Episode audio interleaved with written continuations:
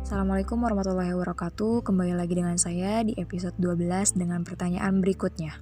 Pertanyaannya adalah jelaskan analisa akad musyarakah muntanakiso atau MMQ dan penerapannya secara detail dan lengkap berdasarkan hukum fikih keuangan kontemporernya. Berdasarkan analisa fikih ada beberapa hal yang akan dibahas. Yang pertama praktik lapangan.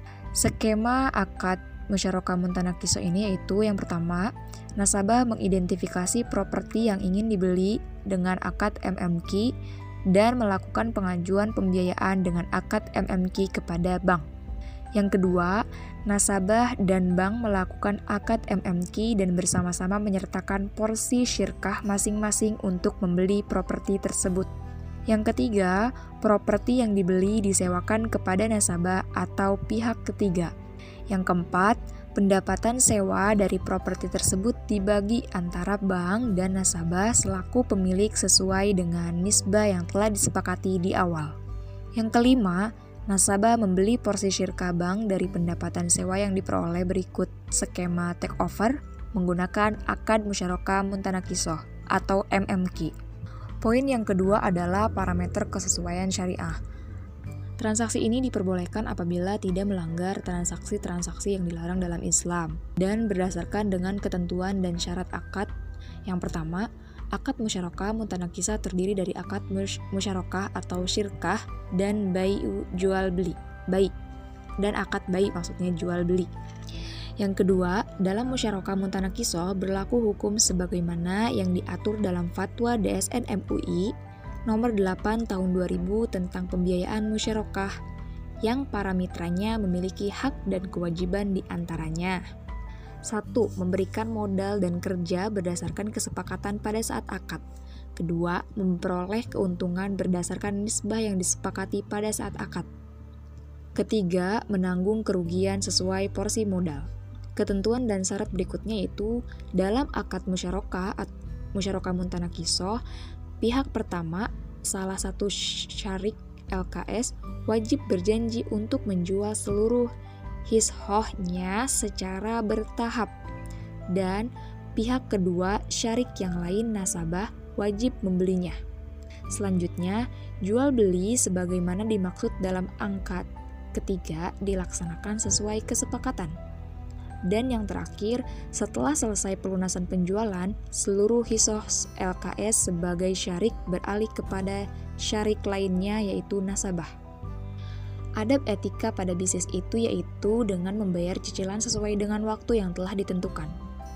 Dan merujuk pada usul fikih Quran Surat Shod, Sod ayat 24 yang artinya dan sesungguhnya kebanyakan dari orang yang bersyarikat itu sebagian dari mereka berbuat zalim kepada sebagian lain, kecuali orang yang beriman dan mengerjakan amal soleh dan amat sedikitlah mereka ini.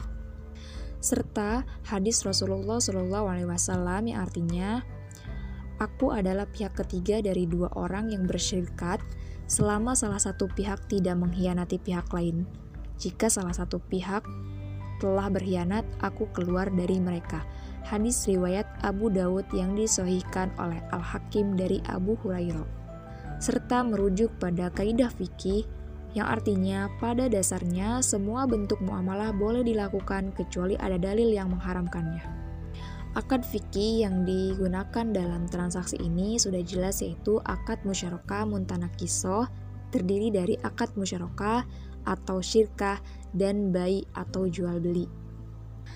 Konsep muamalah dalam transaksi ini yaitu transaksi ini diperbolehkan apabila sesuai dengan syarat dan ketentuan yang telah disebutkan tadi dan barang dan jasa harus halal sehingga transaksi atas barang dan jasa yang haram menjadi batal demi hukum syariah serta presentase pembagian keuntungan untuk masing-masing pihak yang berserikat dijelaskan ketika berlangsungnya akad.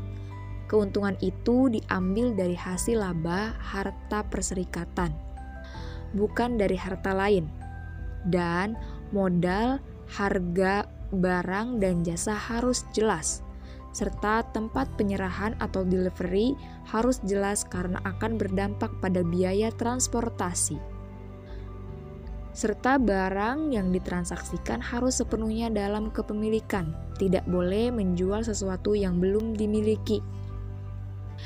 Barang yang ditransaksikan harus sepenuhnya dalam kepemilikan, tidak boleh menjual sesuatu yang belum dimiliki atau dikuasai seperti yang terjadi pada transaksi short sale dalam pasar modal serta merujuk pada Fatwa DSN MUI nomor 73 tahun 2008 tentang musyarakah muntanakisoh dan Fatwa DSN MUI nomor 8 tahun 2000 tentang pembiayaan musyarakah dan Undang-Undang Pasal 3 Undang-Undang nomor 21 tahun 2008 tentang perbankan syariah.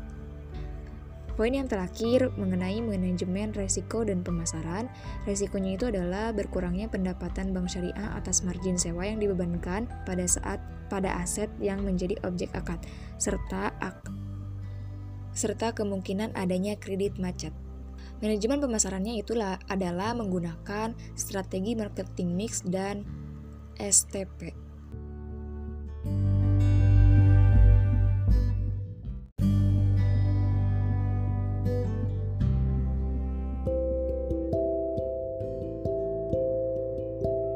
Mungkin sekian jawaban yang dapat saya berikan. Kurang lebihnya mohon maaf. Wallahu a'lam bishawab. Wassalamualaikum warahmatullahi wabarakatuh.